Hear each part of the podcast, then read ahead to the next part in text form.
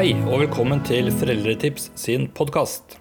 Foreldretips.no er laget for å dele kunnskap om mange valg og dilemmaer man står overfor som foreldre. Det er mange valg som skal tas, og jungelen av råd der ute kan være kaotisk. Om foreldretips.no bidrar til å rydde opp i dette rotet, eller om du føler det bare blir enda flere tips å forholde seg til, det får nesten bli opp til deg å bestemme.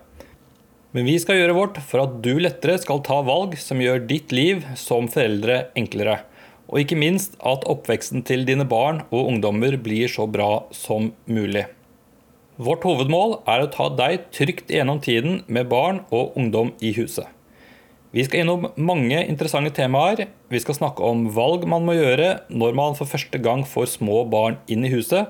Vi skal se på hva det vil si å ha barn på barneskolen, fritidsaktiviteter man skal forholde seg til, og mye mer relatert til barn.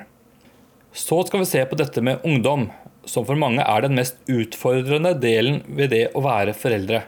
Man må øve på å gi slipp, men samtidig være den livbøyen ungdommen trenger. For å overleve denne delen av livet hvor man har barn og ungdom i huset, er det også viktig å kunne ta vare på seg selv. Vi vil derfor også komme med tips til deg om hvordan dere voksne skal ta vare på dere selv i denne tiden. Noen life hacks blir det sikkert også tid til. Denne podkasten er bare et supplement til hjemmesiden vår foreldretips.no. Jeg vil anbefale deg å sjekke ut den for et godt utvalg av tips. Så vil jeg prate om noen utvalgte tips her i podkasten.